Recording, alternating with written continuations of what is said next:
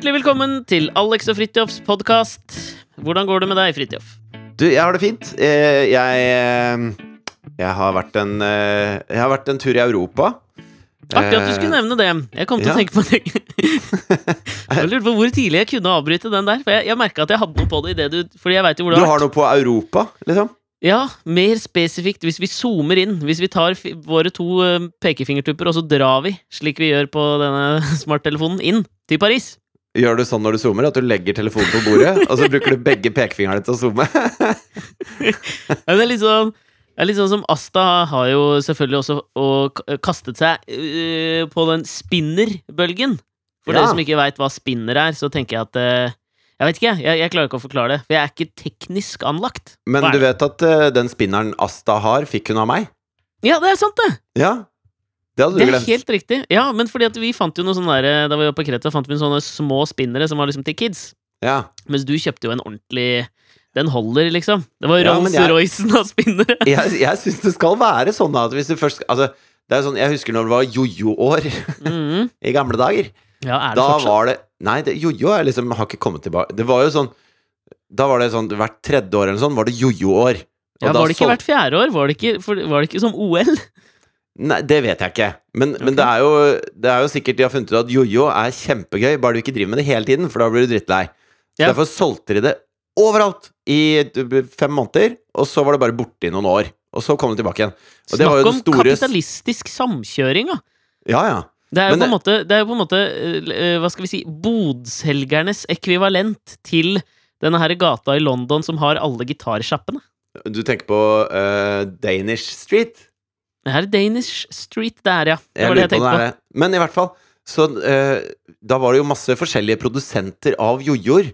Men jojoer må jo ha en viss tyngde for at du skal kunne spinne ordentlig. Og så Mm. må det være liksom riktig tråder og riktig bredde og vekt og masse ting, da. For at det skal være en god jojo. Og da kjøper du ikke en drittjojo til et barn. For da blir det barnet aldri flinkt til noen ting i livet.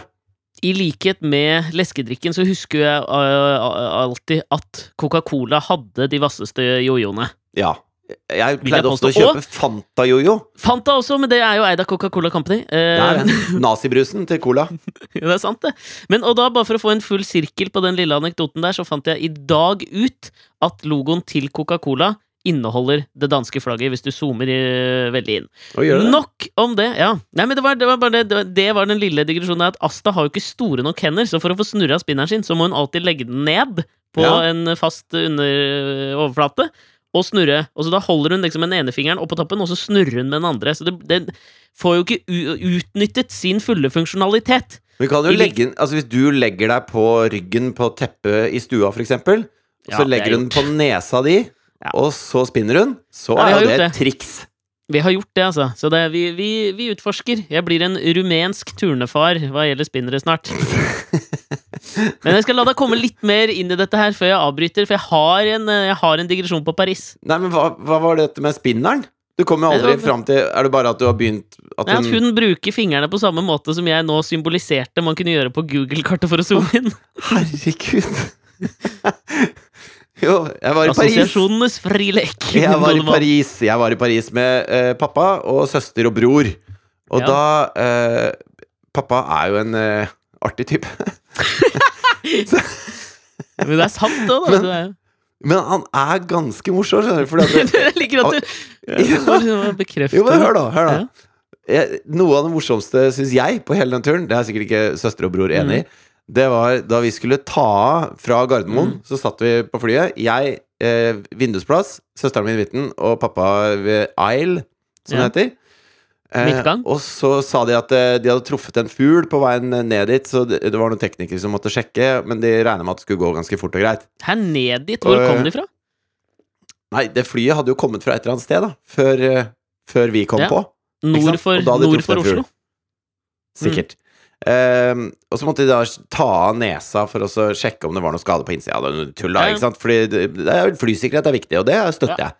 Uh, så da sa de så da kan dere bruke elektronisk utstyr fram til vi gir videre beskjed. Nærmere beskjed. Uh, okay. Og så uh, sitter jeg der og leser litt eh, nyhetssaker og sånn, og så får jeg melding av pappa. Flyet er litt forsinket.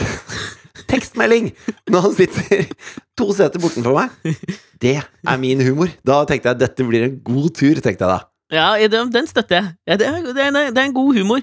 Jeg, jeg tenkte på faren din da jeg visste at du skulle, skulle til Paris. Eh, vi prata litt om det før du reiste, at faren din eh, Han har vel bodd, studert odontologi i Paris? Han hadde det. Jeg fikk også se leiligheten hans rett ved eh, eh, Place de Republique. En Sånn, egentlig ganske raff leilighet, så det ut som utenifra, da. Eh, hvor det var liksom tre sånne vinduer i en toppetasje med utsikt midt i Paris, liksom. Så jeg tror studentboligene var fetere eh, sånn på midten av 60-tallet enn de er nå.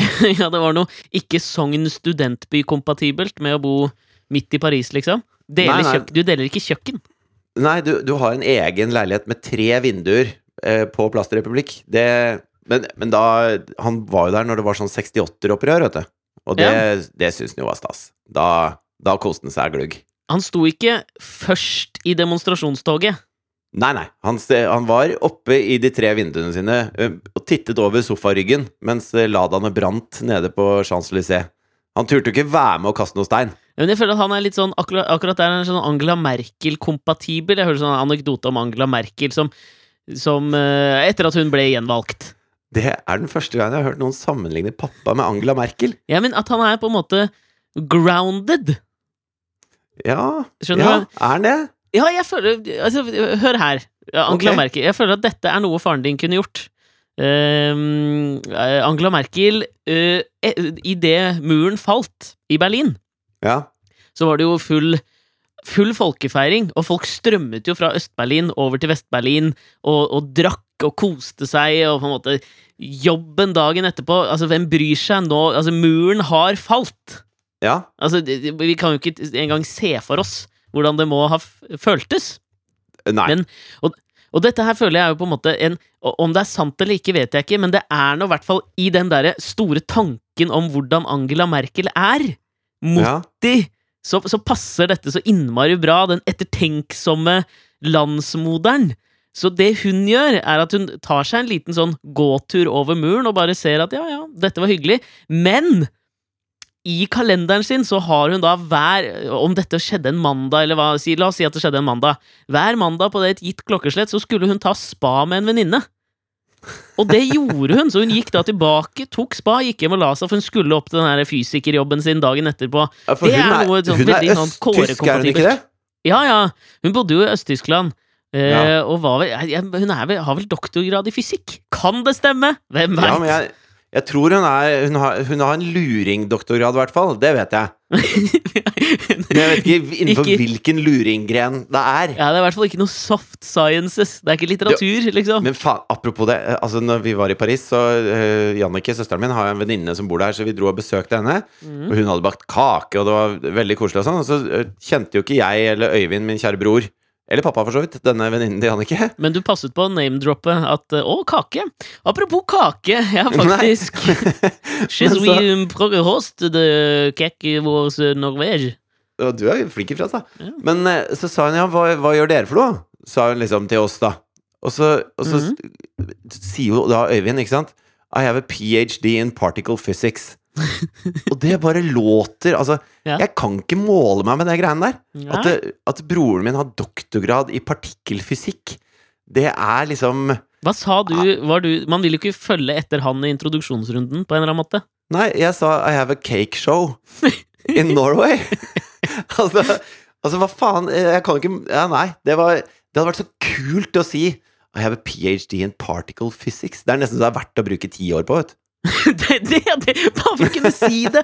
Det er noe Ja, ja. veldig sånn østtysk skråstrek Østerrike-Ungarn-kompatibelt. Akkurat det der husker jeg var og besøkte en kamerat av meg som jobba i FN i Wien for noen år siden. Og der er det veldig sånn På alle dørskilt og, og sånt, så, så oppgir du på en måte tittelen din, ikke herr og fru eller sånt. Du, altså, du oppgir doktor ditten og datten. Ja, Det står altså på alle dører. Ja. Jeg er veldig mye mer opptatt av det der. Altså sånn, jeg, jeg vil jo se for meg at Angela Merkel kanskje ville vært den første forbundskans-rikskansler som hadde hatt doktor-rikskansler. Og det er, det er fett, da. Det hadde vært litt raft, det også. Ja, ja. Men uansett, det som jeg kom til å tenke på, var apropos da at faren Nå er det mange tråder jeg skal knytte sammen. Ok. I, apropos at faren din tekster deg, og at han har bodd i Paris på 60-tallet, Ja. så veit jo du at eh, jeg, de, de, de, de siste ukene så har jeg slitt noe veldig med telefonen min. Ja. Jeg, jeg får Sånn som jeg har mista for eksempel bokstaven Å. ja, det har jeg lagt merke til. I, den får jeg ikke brukt lenger. Men er det Ja, fordi du har du har knust den? Ja, så den er på, på, den er på hell, men så tenker jeg nå at jeg skal vente til den her iPhone X eller 10 eller hva faen kommer, så jeg kan kjøpe den. Men har ikke den fått mye sånn eh, Nei, det er kjedelig å prate om. det gidder jeg faktisk ikke å prate om. Nei, det, det holder ikke, altså. Jeg leste i Teknikkmagasinet at det har vært noe trøbbel med softwaren på iPhone X. Så den må du ikke kjøpe. Nei, fy faen. Det er videre i innhold. Vi fortsetter med innhold isteden. vi. Ja, vi gjør det. Nei, da, da tenkte jeg på det Var det ikke rundt 1960 uh, at Og nå skal jeg prøve å huske noen franske navn. Kan det være uh, Ramon Quenot og Francois Le Lyonnais? Ja, jeg aner ikke. Kan det være? Ja, det kan det være. Som starta en bevegelse i Paris som het Olipo-bevegelsen. Ok. Hva var det? Jeg tror det står for eh, altså, jeg tror det, Oversatt til norsk altså Det er et akronym for et eller annet med åpen, åpen potensiell litteratur. Jeg tror det er et sånn verksted for potensiell litteratur, skulle det da være. I, i, som de begynte som en slags reaksjon på den romankunsten som ble bedrevet på den tida. Er det liksom de uskrevne bøkers klubb, på en måte? Potensiell litteratur er jo liksom noe som kan bli noe av. Ja, altså, jeg tror det, det handla mye om at de skulle liksom ha noen sånne Altså, de skulle ha noen slags form for, for regler som, som, som gjorde det på en eller annen måte vanskeligere å skrive. Ehm, altså noen nye rammer, da, sånn som N pluss 7-regelen. Et eller annet At du skulle bytte ut det ordet som du hadde lyst til å bruke, med det sjuende neste ordet i, i ordboka. Altså, det var masse sånne merkelige regler. Ja, det høres veldig sånn der Illuminati ut. Mye koder og greier. Ja, men, og det var kanskje litt sånn uten at det var den slags form for konspiratoriske undertonen, da. Ja. Men det var der Jeg, har- jeg merker jeg hadde liksom øh, fø, følt meg litt som Som han ene forfatteren i denne her bevegelsen den siste uka, for det var jo en som heter Georges Perec. Prøver jeg å uttale det så riktig jeg kan. Hvorfor har, hvor, har, du, har du liksom Nå er Fridtjof i Paris, nå skal jeg lese meg opp på liksom hva skjedde i franske ting, eller? Nei, ja, men jeg, kom på det nå når du sa at faren din teksta deg. Fordi da Jeg, jeg gjenkjente jo dette her, denne mangelen hos meg. Fordi altså, Georges Perec Han eh, skrev jo en, en hel bok uten bokstaven E, mener jeg å huske. Oi. Im, la, la imitation, eller noe sånt noe. Nå prøver jeg å uttale alle franske ord så, som best jeg kan her. Jeg synes det er god. Som på en måte var et sånt langt, eh, langt prosjekt, som da eh, kulminerte i en annen bok eh, som var dedikert til E, og så handlet egentlig alle, hele forfatterskapet hans gjennom sånn 12-15 år om å skrive en slags sånn hyllest til familien sin som døde i Auschwitz, som jo var et helt fantastisk uh, artig og, må jeg si, jævlig uh, ballsy prosjekt. Ja, men tror du det er noen som skjønte at det, fordi han ikke bruker E i en bok, så er det en hyllest til familien i Auschwitz? Altså, jeg skjønner ikke Skjønner ikke tenk deg greia. Når den payoffen kommer på en måte på bok tre, da, 15 år senere, så får på en måte den første boken nytt liv igjen nå. Det er noe jævlig fascinerende over det å klare, å klare å ha så lange tidslinjer i livet sitt, syns jeg. Ja. Jeg merka det da jeg, jeg blei med på LinkedIn. Blei med på, sier man det? Meldte meg inn. Lagde en profil. ja, men nå har du Altså, nå Nå, Alexander, nå skjer det ting med deg, føler jeg. Altså, Ja. nå eh, At du er på LinkedIn, det syns jeg er et nytt kapittel i livet ditt. Ja, det merka jeg òg. Fordi at det er her om dagen altså Det er bare sånn derre De som er sånn ambisiøse i forretningslivet, de er på LinkedIn. Er det ikke, er, Har jeg rett i det? Jeg, jeg veit jo ikke. Jo, du, akkurat, vet, du vet jo, du er jo der. Ja, men jeg vet Så ikke jobber du Så jobber du på Tjuvholmen, og så var det litt sånn Ja, jeg er litt travel i dag. Du skjønner, firmaet mitt børsnoteres, og derfor har jeg på meg bukseseler og briller og føler meg litt kul.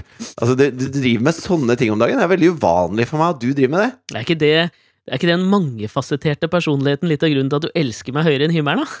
Elsker deg høyere enn himmelen. Alltid. men var, jeg tenkte på det da jeg prøvde å lage den profilen på LinkedIn. For å, skal, vi skal ansette en til, og da tenkte jeg det er der er det man finner dem nå, om dagen. Ja. Og jeg har jo alltid fått eh, jobb på personlighet, så dette var jo noe helt nytt for meg. ja. Eh, men, eh, men det var da jeg merka, for da må du jo fylle inn hva du har jobbet med før og sånt.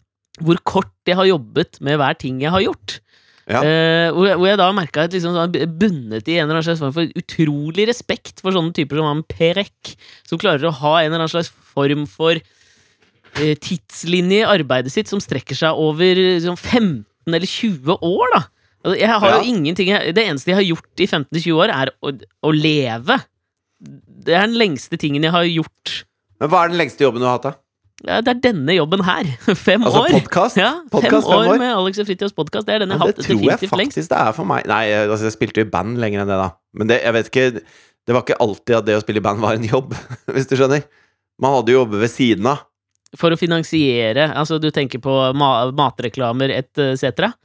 Ja, altså Vi vaska jo parkeringshus en periode i Oslo sentrum med- med span. Fordi at det var en sånn jobb hvor du bare kunne si opp på dagen. Du, eller du kunne si opp sånn midtveis i et skift, og alle tenkte det er helt greit når jobben din er å vaske parkeringshus. Altså, Så vi tenkte da gjør vi det, så vi overlever fram til noen skjønner hvor bra bandet er. På en måte. ja, ja, men jeg skjønner det. Men det, altså, jeg tenker jo det Sånn, sånn bandting, da, for eksempel. Altså, vi kan jo Vi kan jo sveipe innom Tom Petty kanskje denne uka her. Rip, ass. Ja, men, men er vi ikke Altså, jeg syns Altså, vi har jo ofte snakka om litt sånne aktuelle ting i podkasten.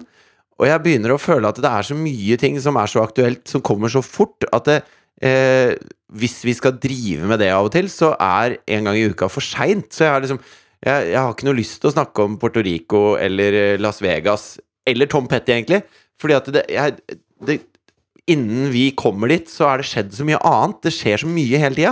Ja, jeg kan, være, jeg kan være litt enig i det. Det eneste jeg ville sveipe innom Petty for, var jo på en måte det at hans Heartbreakers eh, er vel eh, et av de må vel si, et av de eldre rockebandene, hvis du ser bort fra Rolling Stones, som på en måte har klart å ha den der lange tidslinja. Hvor lenge holdt de sammen? 30-35 år? Ja, Det, er jo det. imponerende.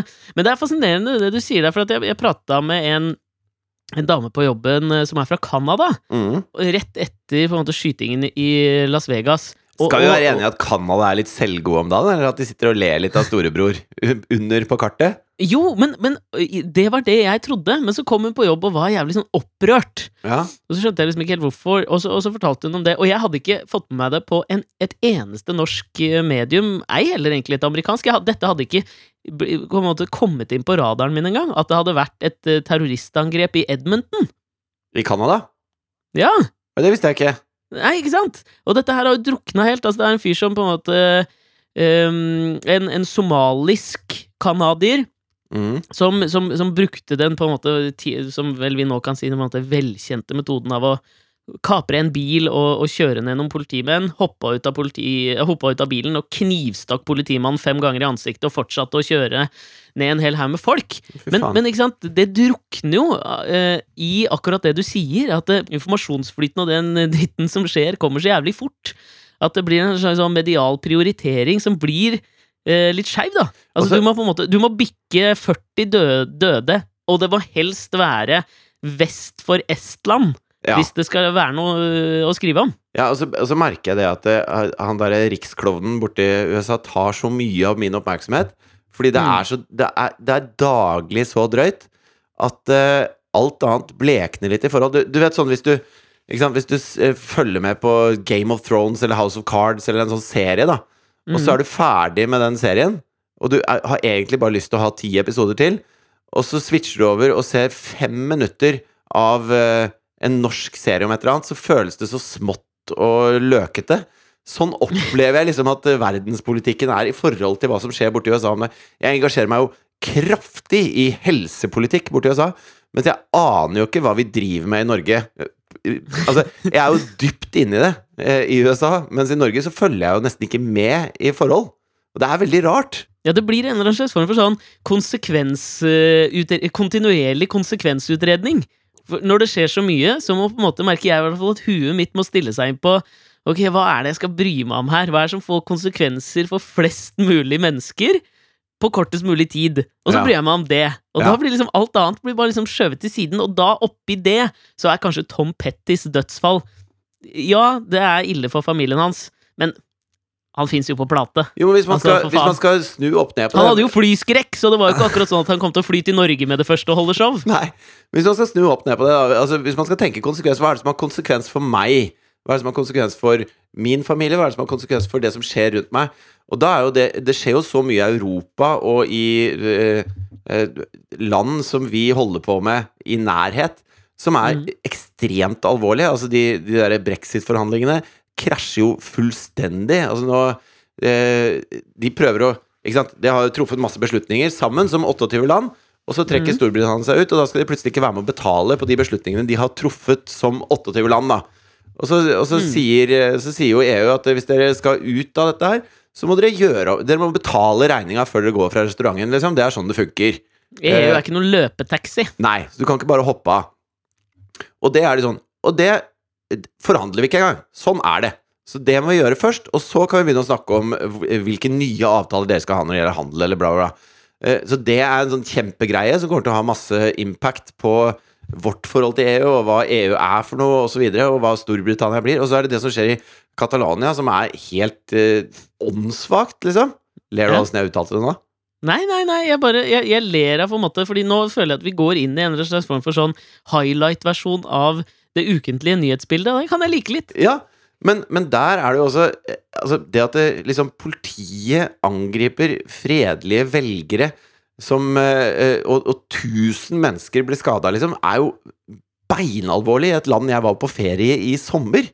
Det syns jeg er Ja. helt drøyt. Og småparodisk at uh, monarken Felipe skal blande seg inn i at dette er en udemokratisk ting, sier Sier Den kongen, ar arvelig valg valgte kongen. Altså, det, det blir parodisk, spør du meg, da. Ja, altså Mannen som var på elefantjakt når uh, ja, Jeg husker ikke. Når det var, når det var et tog som spora, eller noe sånt. Ja, ja. Ja. Men, ja men bare men det, la, oss, la oss highlighte mer, da. jo, men, Hvis vi ja, men kan vi ikke bare ta prøve å tegne opp det. Ja, ok, ok, greit. Highlighter mer. Og så i Tyrkia så mer.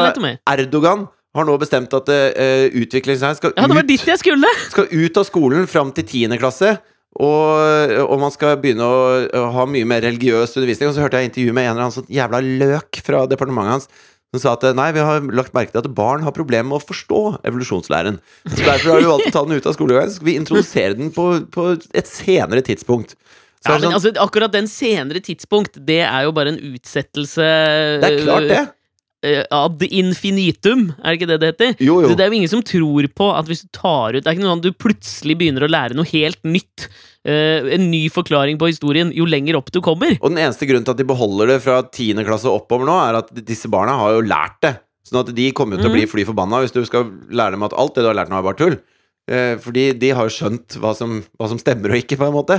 Ja. Eh, og, og, så, og så tenker jeg det er jo et enormt land som er så viktig for Europa og, og broen over mot Østen og Midtøsten og alt mulig sånn, at det kommer til å ha massive konsekvenser, sånn som de holder på der.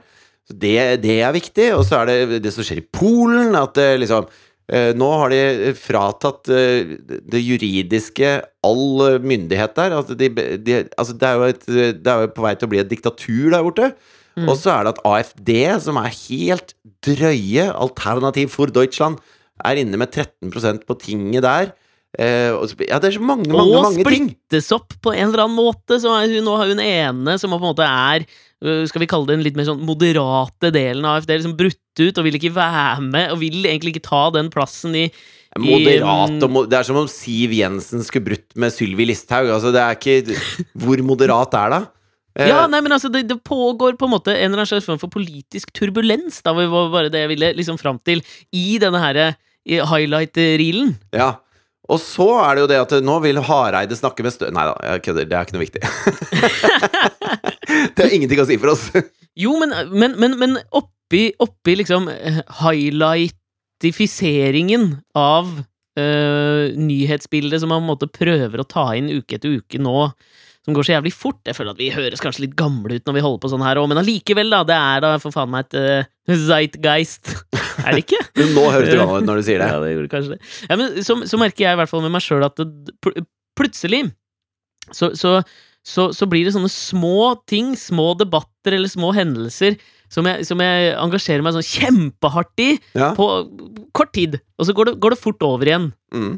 Og det var eh, eh, og, og, og, bare for å vise det Nå skal jeg ta Jeg har hatt masse sånne småting, men nå skal jeg prøve å ta liksom den, den det, det minste for å kontrastere det mot dette her storpolitisk spill som pågår over hele Europa, hele verden, egentlig. Ja. Så merker jeg at Det som krevde mye av min tankekraft og irritasjon de seneste dagene, var at jeg var og så jeg var og så den nye Ruben Østlund-filmen som vant eh, Gullpalmen, dette The Square, ja, den har jeg hørt om. lørdag. Ja, Var var bra, eller? fantastisk. Ja. Terningkast seks. Gleder meg til å se. Forbrukerpodkast. Terningkast seks. Gå og se den. Og der er det en sånn var det en jævlig fascinerende scene som jeg følte at var overførbar til hele den jævla homodebatten som har liksom rulla litt her, her hjemme. Ja. I, eh, og den merka jeg at jeg begynte å irritere meg over. Men har du sett på Jævla homo? Ja, jeg har sett hele, hele serien. Hva, ja, fordi at jeg har lest eh, litt av disse Altså De forskjellige innleggene fra forskjellige mennesker om eh, hvordan den serien egentlig eh, jobber mot sin hensikt, da. Så jeg er nysgjerrig på hva du som Altså, du er en mann jeg elsker og respekterer. Altså, hva, hva syns du om dette her? Altså, jeg tenker som følger at eh, jeg syns eh, ikke serien var knallgod. Nei? Syns det var noen sånn åpenbare, litt sånn overfladiske behandlinger av noen temaer. Og så syns jeg det er litt sånn vanskelig å si også, fordi at det, er en eller annen slags form for personlig reise inn i det der, eh, som gjør det litt vanskelig å skulle på en måte dra ut en eller annen slags form for generaliserende eh, moral, eller å, å legge på et krav om at noe bør være representativt for alle. Eh, det er det jeg syns er sånn merkelig. Altså, hvis du Ja, lager, tror, altså, hovedkritikken Si du- av den si at du serien lager da. hetero i gå, ja, men bare gåseøyne hetero-TV, så er det ikke noe krav der om at du, at du skal representere alle heteroer. Det kravet blir pålagt et program som, eh, som sier at det er et homoprogram. Uh, og, og det skjønner hvorfor, men samtidig blir det sånn vanskelig å, å mette alle munner uh, der, tror jeg. Jo, men samtidig, altså, hvis, eh, altså Det har jo mye med hvordan det er blitt markedsført også. At det Mhm. starter med masse kjendiser som får av NRK sånn jævla homogenser lenge før programmet er på. Så man lager en hype rundt det, og nå skal man liksom ta homosaken på alvor, og man skal lage et program som går i ikke sant? De, de promoterer det på en måte, så folk sitter med en forventning når de ser det. Og så eh, er jo eh, Etter hva jeg har lest meg til, jeg har jo ikke sett det, så er hovedpersonen en sånn fyr som på en måte syns at de eh, homotingene, da eh, Det med at man liksom eh, snakker på en bestemt måte, eller liker de og de tingene som ofte assosieres med det å være homofil, det er liksom eh, å være Han har ikke lyst til å være sånn homo. Han har lyst til å være en, en eh, eh, På en måte en homo som har heteronormative verdier allikevel. Hvis du skjønner hva jeg mener. Ja, altså Og da pisser han jo på en måte på hele den kampen som mange har gjort i mange, mange år, med at det dreier seg ikke om hvordan du har lyst til å være som homofil, men det dreier seg om at du har muligheten til å være den du er. Ja, og, og, og det er liksom et gyldig argument her, samtidig som jeg tenker at man skal være litt sånn forsiktig Forsiktig og forsiktig. Men altså, det, det, er veldig lett å gå Morten i Hegseth var ikke så veldig forsiktig når han skrev sin ærlige mening om den serien. Nei, og jeg tenker det er veldig sånn lett å gå i den fella at man Hvis man begynner å Og det kan jeg kjenne meg igjen. Hvis man begynner å irritere seg litt over noe, så er det veldig lett å gå i den fella om at alt med dette er gærent. Ja, ja. Eh, og det er jo mest interessant i eh, kronikkform, eh, så det respekterer jeg. Men samtidig så Altså, på en måte, nyanser er kjedelig å lese om. Eh, men, men selvfølgelig så tenker jeg da, for å legge det eh, inn i debatten, så tenker jeg at eh, så ille var det ikke. Det er en helt ok terningkast tre til fire-serie. Men det som er fascinerende med det du sier, og som jeg syns i etterdønningene her, når, eh, når kritikken ruller inn, så er det jo fascinerende å se fraværet eh, til alle de kjente personene som har gått rundt og promotert med jævla homogensere. Deres fravær i den påfølgende debatten har jo vært fascinerende, spør du meg. Ja Uten å jeg, si det, men, men, men det var litt dit jeg ville. Fordi at det, eh, i den filmen The Square så er det, eh, uten at jeg skal gi noe spo altså, det, Jeg tror ikke det er noen spoilers her, men det er en, en, eh, en litt kulminerende scene hvor hovedpersonen sitter i, i en pressekonferanse og skal, og skal svare svenske journalister på et um, et, et, et PR-grep som, som har gått litt uh, uh, Litt bananas. Ja. Nå prøvde jeg å være så diffus at jeg ikke avslørte noe. ja, men det setter jeg pris på, for jeg har lyst til å se filmen sjøl. Ja, og, og det, der, det syns jeg var fasciner, fascinerende, også med tanke på hvordan den filmen er blitt mottatt uh, fra folk som oss, som kanskje sitter og ser på den og tenker at ha-ha, denne filmen gjør narr av kunstmiljøet, og så gjør den egentlig narr av oss òg. Vi, vi, tro kule, venstre, pseudointellektuelle eh, mediemenn. Ikke sant? Eh, men den er er vanskelig å ta inn er? over seg. Jeg visste ikke at det var det jeg var. En trokul pseudo-venstreintellektuell pseudo-venstreintellektuell mediemann er det du er. Ok, takk. Jeg kan godt være det. Men, Men eh, hovedperson, eh, hovedpersonen blir i hvert fall da eh, stilt spørsmål eh, eh, fra én gruppe som, som føler at det PR-grepet de har, har, har brukt i filmen, er for drøyt, og at de pisser på, pisser på noen som står eh, lavere enn dem på, på en måte samfunnsrangstigen. Men og så svarer han på det, og så kommer det på en måte en en, en journalist som har, har lyst til å forfekte eh, ytringsfriheten og kritisere ham for ja, men, Sier du unnskyld for dette? Eh, altså, Mener du at er det der grensen vår for ytringsfrihet går? Og så kommer kritikken, samme hva han svarer, så kommer kritikken en, bare vridd på en annen måte. Ja. Og det er, det, det, det er litt der jeg føler at det jævla homoprogrammet har havna. At samme hva du hadde gjort, tror jeg nesten, med et program som har, uh, har kalt seg jævla homo, Mm. så ville du på en eller annen måte uh, kunnet vri en kritikk inn mot det, for å ikke være representativt nok, eller kanskje for å fokusere for mye på enkel type homoer, kanskje du har fokusert for lite på homofil sex, eh, kanskje du har fokusert på transer for mye, kanskje du ikke brukte riktige ord, hvorfor skal du ikke Altså, jeg tror samme hvordan du hadde lagt opp et program som det der, så var det noen som hadde følt seg eh, på en måte ja, truffet helt og hatt lyst til å kritisere deg. Men- fordi du stiller deg litt laglig til for høy. Og jeg, jeg, jeg tenker jo Han skal i hvert fall faen ha kred for det. For han stikker hånda inn i et vepsebol som alle har lyst til å mene noe Ja, og om, kanskje- og som alle har ganske sterke følelser Og kanskje for. det at man sitter og debatterer det, er eh, en god nok grunn til å si at det var, det var bra gjort, NRK, og, og Ja. bra gjort til det programmet. Men, men hva tenker du om den derre eh, Hvor er Thea-saken? Ja. Har du lest noe om det? ja, altså Jeg gikk inn på, på Facebook, og så så jeg mange av vennene mine hadde delt det. Og jeg skjønte ikke at uh, det var snakk om en TV-serie. Jeg trodde at TV var borte. Ja, Det trodde jeg også. Og jeg husker ikke hvor jeg så det. Om jeg så en plakat, eller om jeg så det på Facebook, eller hvor det var. Men, men, men det er jo å spille på uh, et, et kort som er så Jeg opplever det som ekstremt spekulativt å reklamere for en TV-serie på en måte hvor du tror at det faktisk er en faktisk jente som er forsvunnet. Ja, Nå skal jeg bare gi full disclosure før vi går inn i dette, at jeg har jobba med uh, de folka som har laga det, og i det firmaet som har laga det. Ok, ja, men det er greit nok. Ja. Uh, men, uh, men det betyr ikke at ikke jeg får lov til å kritisere det. Nei, men altså, og, og det føler jeg at jeg kan gjøre òg. Fordi at det er jo altså, Orson Wells var vel den første som gjorde det der i storskala, hvor folk faktisk trodde på noe som var fiksjon. Bare at han gjorde det jo ikke med vilje. Han hadde jo laget et radioteater som han tenkte var fiksjon. Så hørte folk på radioen og trodde at New York ble invadert av aliens. Ja, Eh, det var, det var uh, War of the Worlds, var det ikke det? Jo, det var kanskje det.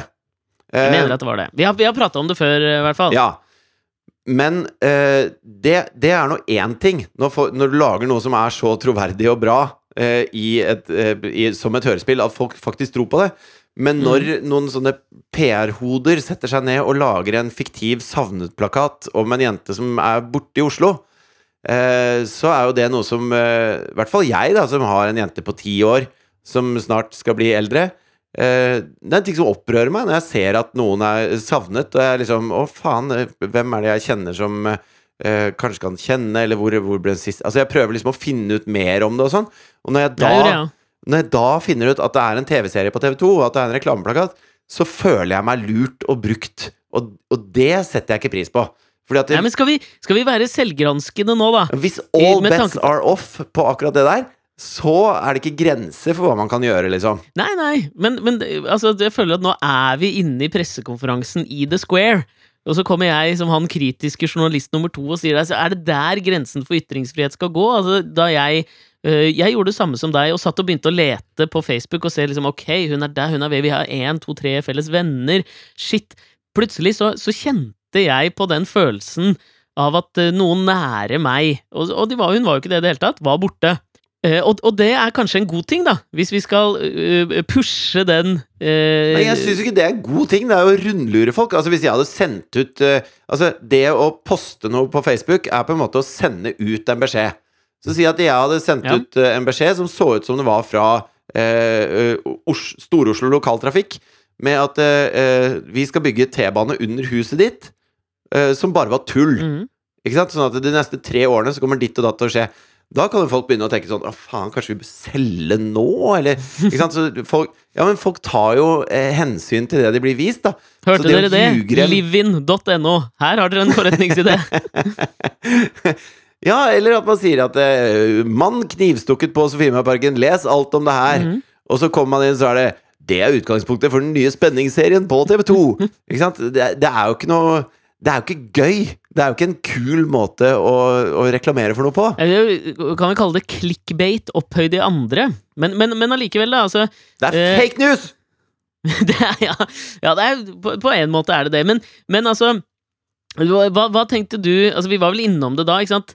Eh, Da Kristoffer Joner legger ut noe som ser ut som et ektefølt budskap på Facebook, og så viser det seg at det er jo en nøye konstruert eh, eh, reklame-ish kampanje, så merka jeg men at Det jeg betyr ikke at det ikke er et ektefølt budskap fra Nei, ham. det, jeg merka at jeg, jeg var fullstendig på Kristoffer Joners side der. Men kan det være at det ligger en kime i type 'hvor er Thea'? Altså, nå sier jo ikke jeg at jeg mener det, for jeg mente jo også da jeg leste det så, og fant ut at dette var tull, så tenkte jeg faen, så jævlig spekulativt. Men hvis vi skal prøve nå å, å, å, å praktisere hva vi preker her, så kanskje det ligger en eller annen ting inni der som er som er, ja, Kanskje det er bra å pushe noen grenser? Om enn ikke Jo, med forsvunne små jenter. Jo, men Kristoffer Joner samla jo inn penger til faktiske flyktninger. Og da, da, Du kan kalle det PR-stunt, eller hva du vil, men de flyktningene finnes. Hvis han hadde funnet på et folkeslag i stedet for rohingyaer, eller noe sånt, så hadde det vært Ravishangar. da, At han samla inn til Ravishangar, og så kjøpte han en yacht for penga. Da, da er det Hvor er Thea-opplegg, ikke sant? For da er det bare løgn, alt sammen. Men, men okay, For men, Thea er jo ikke borte. Nei, men la oss Hvis vi skal gå helt vi nå, det er viktig for meg å si at jeg, jeg, jeg er ikke nødvendigvis enig i det jeg sier nå. Men det kan jo være at Altså, det jeg har merket på Facebook kanskje de siste to årene, at jeg ø, oftere enn tidligere har merket sånne poster med 'den og den er forsvunnet', ø, eh, holdt jeg på å si lik og del, spre, og se om du kan eh, Vet du noe? Altså bla, bla, bla. Og det er et fint virkemiddel, tror jeg, for å, å, å hjelpe til i den prosessen. Ja. Og kan det da være at Hvor er Thea-kampanjen setter søkelyset på nettopp dette, at man kjenner litt tettere på seg hvordan det ville vært om noen du kjente var borte, og dermed eh, vier sånne poster senere litt mer oppmerksomhet. Kanskje man da etter å ha opplevd det er og kjent litt Uff, det var ikke en god følelse inni meg fordi jeg begynte å sjekke og alt mulig. Neste gang det kommer en sånn, så bare scroller du ikke forbi, men du deler den. Kanskje det er en, en Eller kanskje neste gang du ser- en sånn post, så tenker du at «Åh, det er sikkert bare reklame for den nye boka til Jon Egeland, eller noe sånt. Jeg gidder ikke å Jon dele den der. Egeland! Hvem er det? Dagbladet-kommentatoren? Nei, ikke Jon. Tom Egeland, da. Tom. Egeland! Krimforfatter. Du, ikke hør på navnene jeg bruker, hør på innholdet jeg kommuniserer. Det er viktig for meg, fordi navnene er stort sett alltid feil. Du er på en måte en, et produkt av Olipo-bevegelsen der. Navnet er Ja. feil, konsekvent, og det er et litterært virkemiddel. Jeg har hatt et 40-årig prosjekt hvor jeg konsekvent bruker navn feil for å hedre gutta på skauen.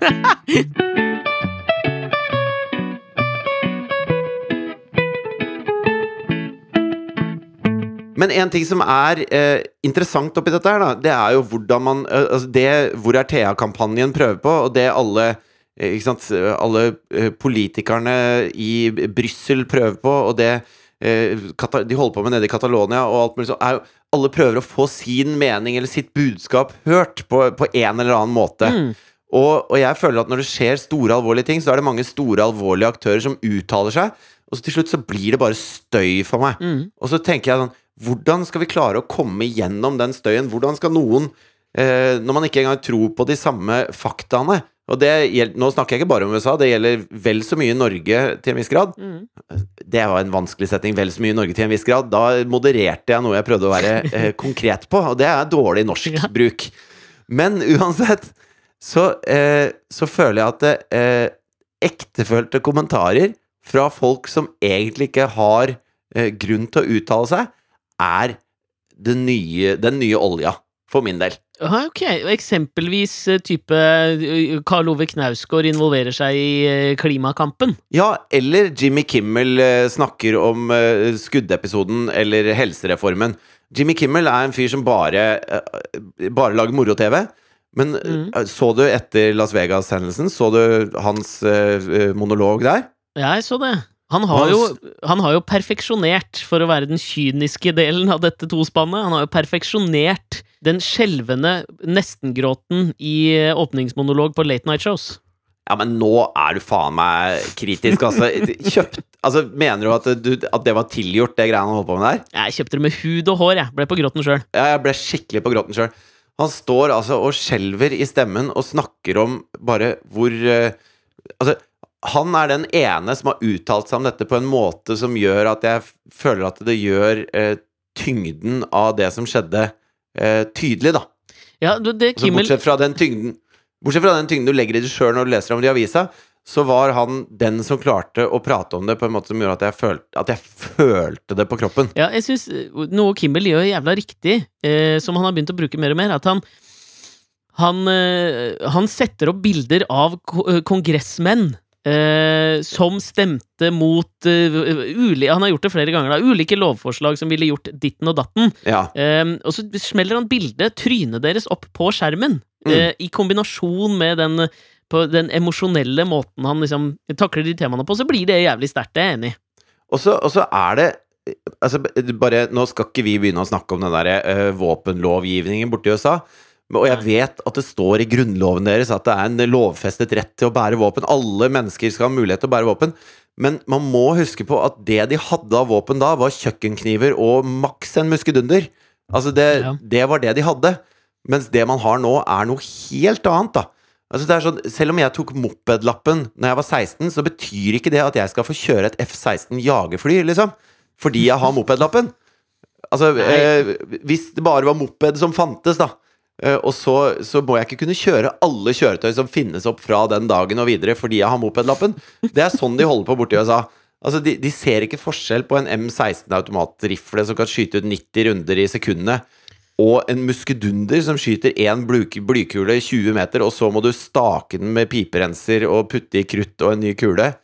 Nei, altså, det er enorm forskjell, da! Nei, og jeg føler at vi på en måte Her i Norge så sitter vi vel med det, det, åpenbare svaret på hva som bør skje. Altså, det, det er litt sånn Australia-parallellen. Altså, det var vel I 96 så var det den siste sånn masseskytingen i Australia. Rett etterpå vedtok de Det var den første og siste ordentlige masseskytingen. Ja, de, de hadde jo hatt noen masse Jeg tror det var to-tre masseskytinger før 96. Ja. Men etter det vedtok de jo superstrenge eh, våpenlover, har ikke hatt en masseskyting siden det. Så det er liksom åpenbart at lovgivning har en viss innvirkning på hvordan det der eh, utspiller seg. Og det som, altså det som er, er at det, eh, Amerika, som er 4 av verdens befolkning, eller sånn, eier halvparten av hele verdens våpen.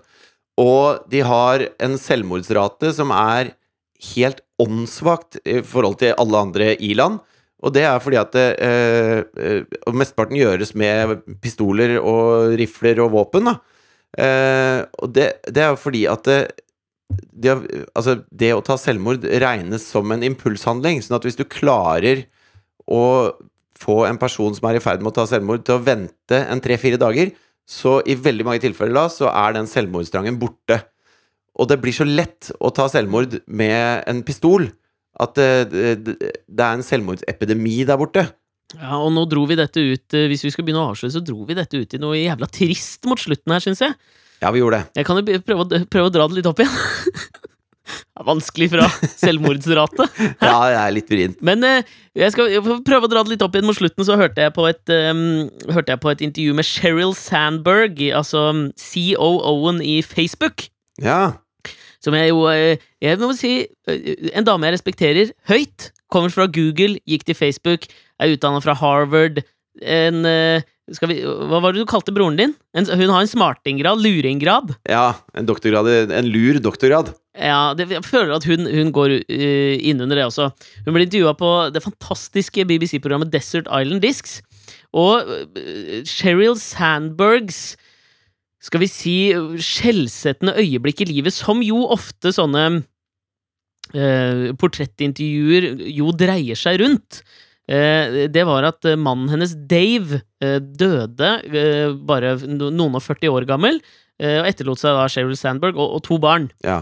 Og ref det Jimmy Kimmel gjør, da, så vil jeg påstå at jeg vil anbefale alle å gå inn og høre det intervjuet med Sheryl Sandberg, for hun er på en måte på gråten gjennom hele intervjuet. Men snakker hun om det, eller snakker hun om Facebook sitt ansvar eh, for å promotere falske nyheter? Ja, hun, hun er innom det også. Da er hun ikke på gråten, men mye dreier seg rundt på en måte Sheryl Sandberg som person, og hvordan hun kom dit hun var, ikke nødvendigvis så mye om Facebook-algoritmens iboende faenskap.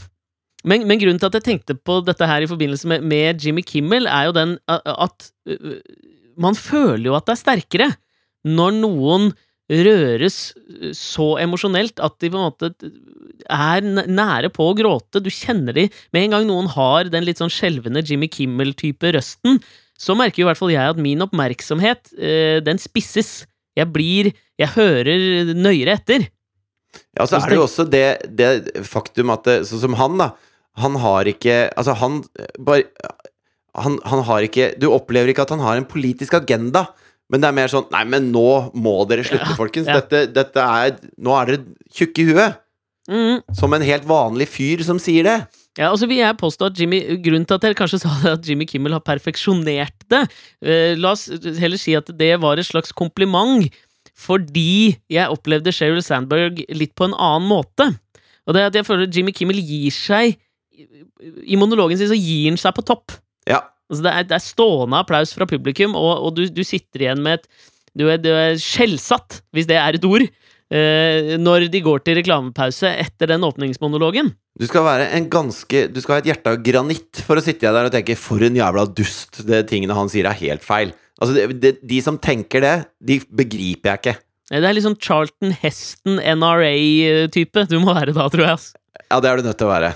Men eh, da tenker jeg at da kan jeg gi et eksempel på hvordan man på raskest mulig måte kan ødelegge inntrykket av sin egen skjelvende og særdeles tilstedeværende emosjonelle røst på fire sekunder.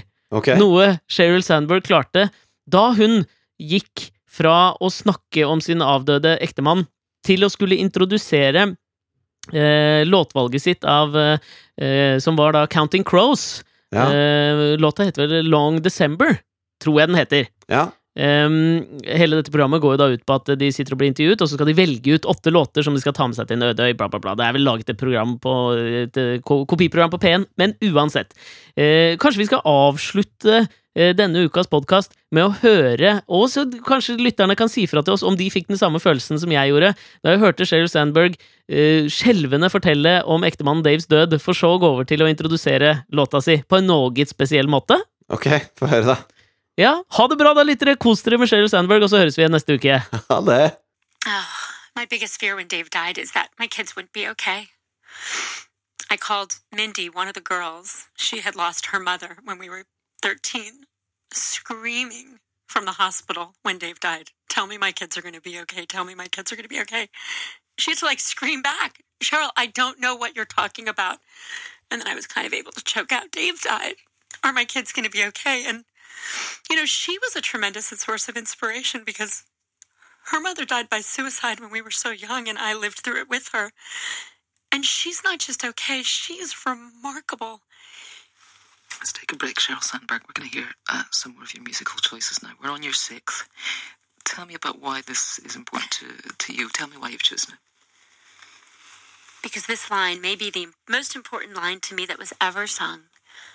A long December, and there's reason to believe maybe this year will be better than the last.